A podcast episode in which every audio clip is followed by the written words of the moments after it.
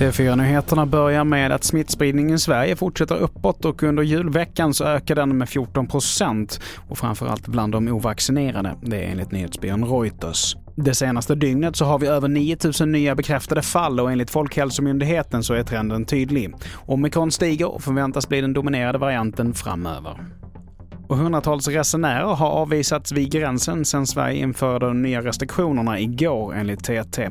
Det rör sig om 600 personer som försökt ta sig in i Skåne och ytterligare 350 vid Svinesundsbron i Norge.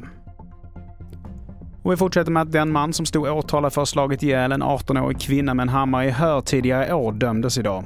27-åringen som erkände direkt för polisen dömdes till 16 års fängelse för mord. Och min klients uppfattning är ju att han har inte haft någon avsikt att eh, beröva eh, målsägande livet utan eh, han kan inte förklara varför det har hänt och då menar vi att då har han inte heller varit så medveten att han har haft ett uppsåt.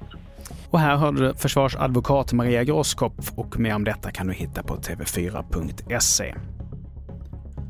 Polisen går nu ut och varnar för halka i södra och mellersta Sverige. Det är temperaturerna som ligger runt nollan och i samband med detta och snötäcken och isfläckar så blir det extremt halt och halkbekämpningen tar tid.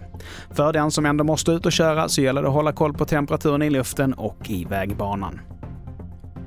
Och idag så gick regeringen ut med åtgärder för att personer som vistas illegalt i landet ska återvända till sina hemländer.